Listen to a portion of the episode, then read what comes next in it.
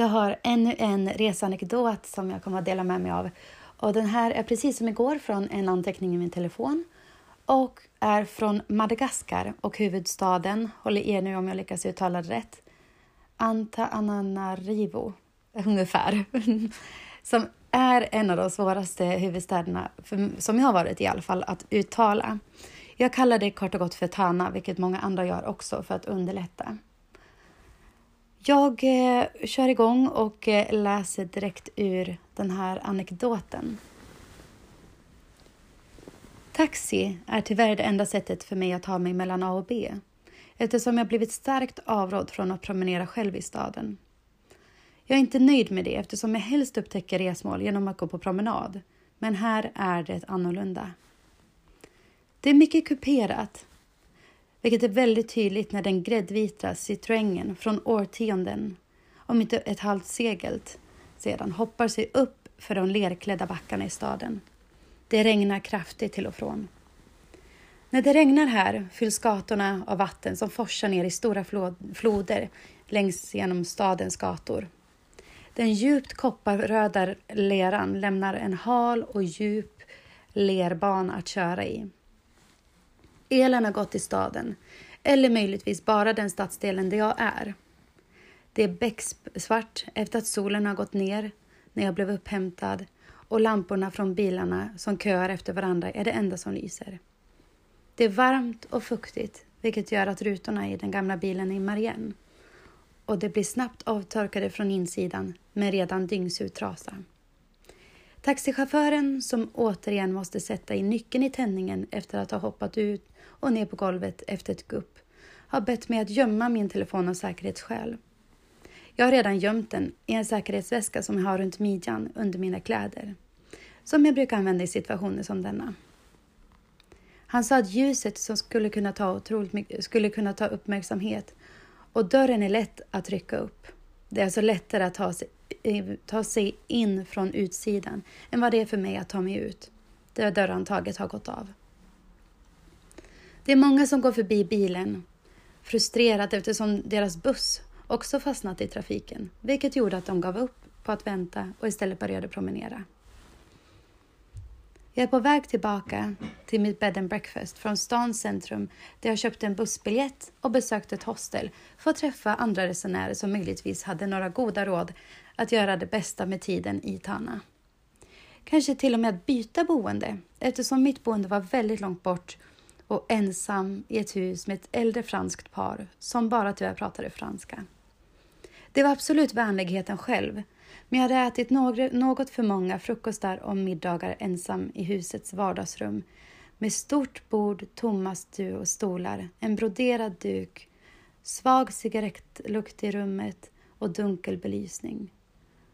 Radion som spelade 80 och 90-talsmusik kontrasterade mot alla beigea möbler och tapeter som funkishuset, som no, i funkishuset som nog en gång var en drömkåk. Jag rekommenderar varmt att kunna några franska fraser utöver baguette, fromage och champagne om det har siktet inställt på Madagaskar. Jag hoppas att jag inte kommer avskräcka för mycket. Jag vill verkligen tillbaka, men inte under monsun och jag vill heller inte resa där själv nästa gång. Monsunen gör att vägarna, inte bara i staden utan också på hela ön som är världens fjärde största ö, regnar bort under monsunen. Delar av landet går inte alls att komma åt under vissa delar av året. Bilnyckeln hade suttit kvar rekordlänge i tändningen när vi äntligen fick köra fram ett par meter. Chauffören tjuvkopplar bilen och hålen i golvet avslöjar att vi börjar rulla igen. Vi kommer över ett krön och han stänger av bilen och rullar, precis som med alla nedförsbackar eller raksträckor där han kan spara bensin. Bilen går konstant på och av. Ibland bestämmer han det och ibland så stänger den av sig av sig självt.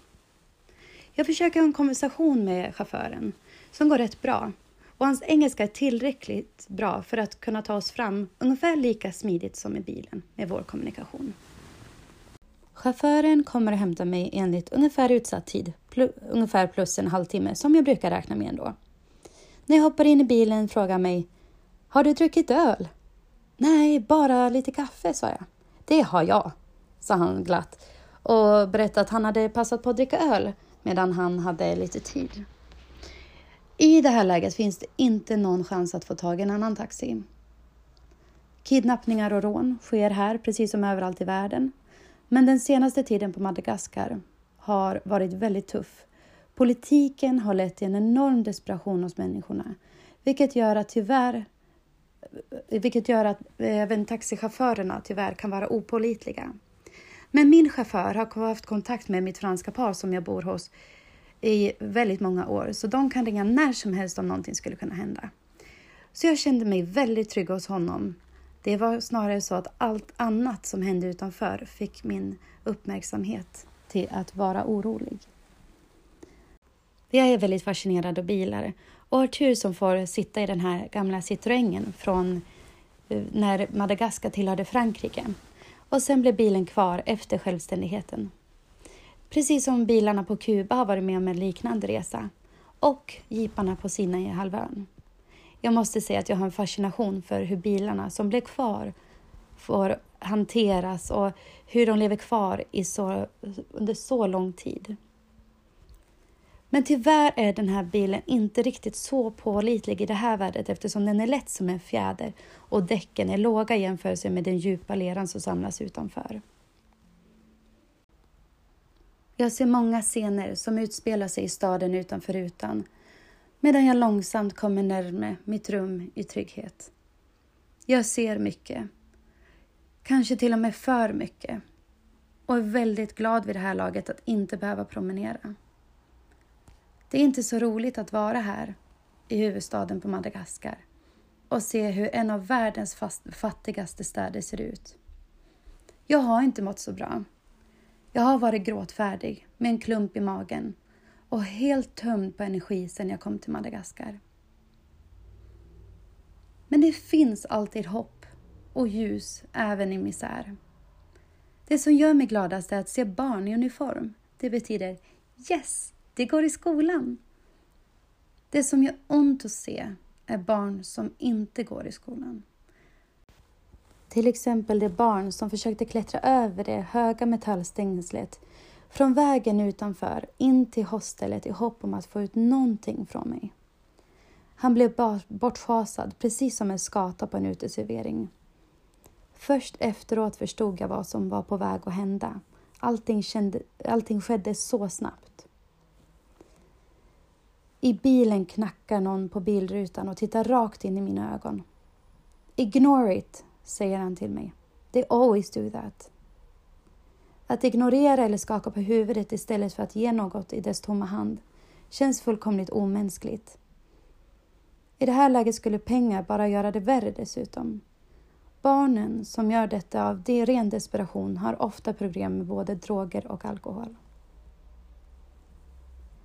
Jag ser mammor med sina barn omkring på gatorna, grävandes i sopcontainrar, liggandes längs med trottoarerna där de ammar sina spädbarn. Jag ser mammor med genomskinliga cellofanpåsar som de sätter näsan över. Och jag kunde inte koppla om vad det handlade om snabbare. Jag trodde för en millisekund att jag tittade ner i en påse med smycken som de kunde köpa.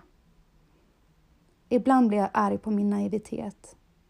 Ibland får jag ett litet hopp om glädje när jag passerar förbi endast för att få magknip nästa sekund när jag förstår vad det egentligen handlar om.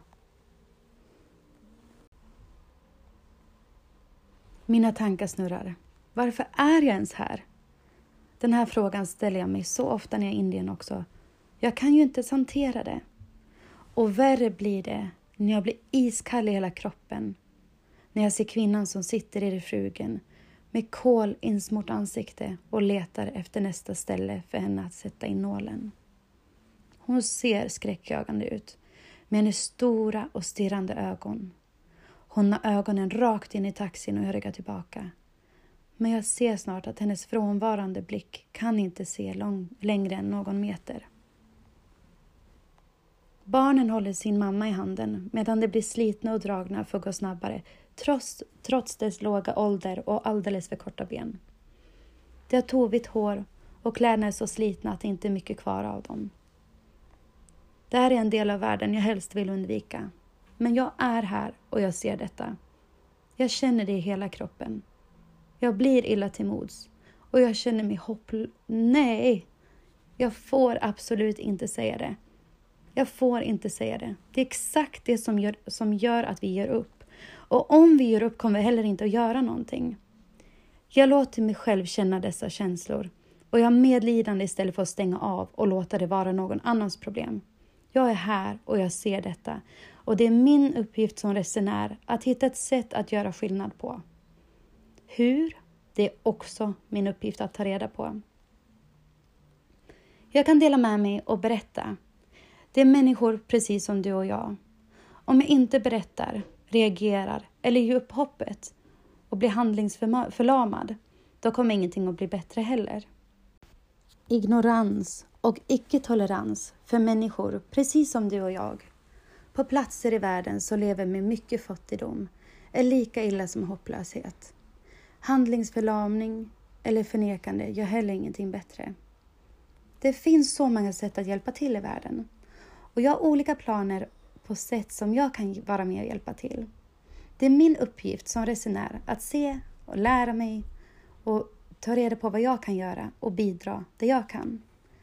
Och jag vill gärna, gärna jobba med välgörenhet på platser där jag vet att det gör skillnad. Det finns så många områden att hjälpa till med och jag vet att det finns så många olika varianter av välgörenhet som ligger mig nära om hjärtat. Oavsett hur tufft det är kommer insatsen att ha stor mening och att känna mening med det man gör är en stor del av livsvälmående. Jag ser upp till människor som jobbar med det lätta som tunga områden inom välgörenhet. Jag ser upp till dem som jobbar med volontärarbete i områden som är tuffa och deras ödmjukhet är beundransvärd. Jag vill, vara vad jag, kan, jag vill göra vad jag kan för att lämna denna värld med förbättring på något plan och det kan vi alla göra. Tillbaka till bilen, vi har rullat ner och trafiken har släppt något. Vi rullar i gångfart, nästan i alla fall. Bilen börjar hoppa mer än vanligt och nyckeln flyger ut. Bilarna bakom tutar medan chauffören försöker tjuvstarta bilen igen. Vi kommer upp för backen med nöd och näppe genom att hoppa upp på treans växel. Det är något fel på bilen. Chauffören hittar en korsning dit han lyckas tuffa fram bilen. Han ska se vad som har hänt med den när han ser att hans ficklampa slocknar om och om igen. Vill du låna min ficklampa på telefonen? frågar jag. Han lånar den glatt och då upptäcker han att tanken är tom. Mätaren i bilen, tillsammans naturligtvis med hastighetsmätaren, har sovit hela färden. De har nog inte varit vakna på många år. Han kommer snabbt tillbaka, ger mig telefonen. Göm den! Jag måste springa till bensinstationen. Vi har slut på bensin. Stanna i bilen, gå ingenstans. Jag skyndar mig så mycket jag kan. Och sen springer han iväg.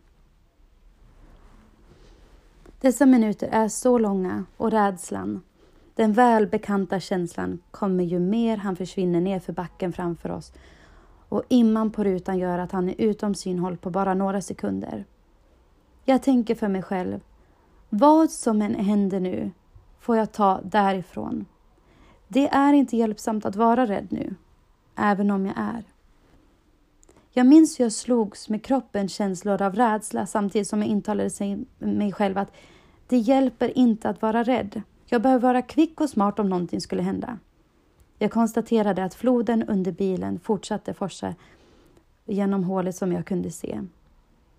Det var mörkt från elavbrott och jag hoppades att människorna som gick längs med vägen inte skulle se den olåsta taxin med bara mig i baksätet. Chauffören kom snart tillbaka och vi körde vidare.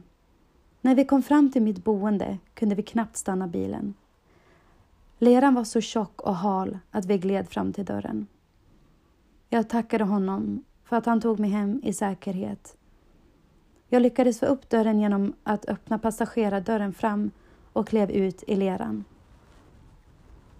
Jag bestämde mig att avboka bussresan efter det här.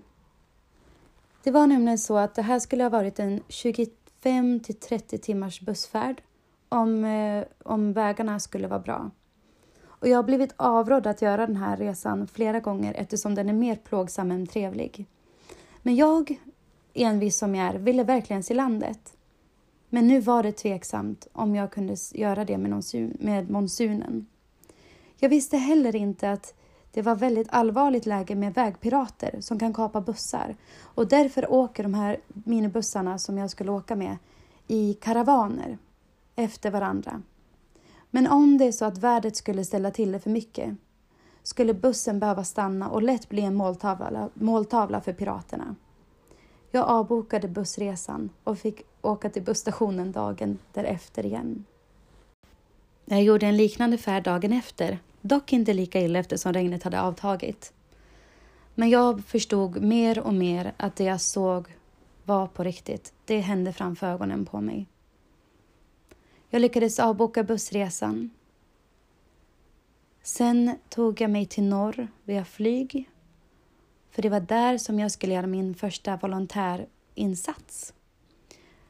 Hur det gick där kan jag ta ett annat avsnitt, för det är en historia i sig. Tanken som jag hade med mitt volontärarbete där blev inte alls som jag hade tänkt mig. Men det tar vi i ett annat avsnitt. Tack för att du har lyssnat. Hör gärna av dig till mig på Instagram så hittar du mig på the happiest girl in the world understreck. För fler resebilder så hittar du mig på Instagram globetrottarina. Och som vanligt om du inte kan få nog av mig som pratar så finns det en eh, engelsk Eh, podcast också som heter Globetrotterina. Finns på, ja, där poddar finns. Ha en jättefin fortsatt dag.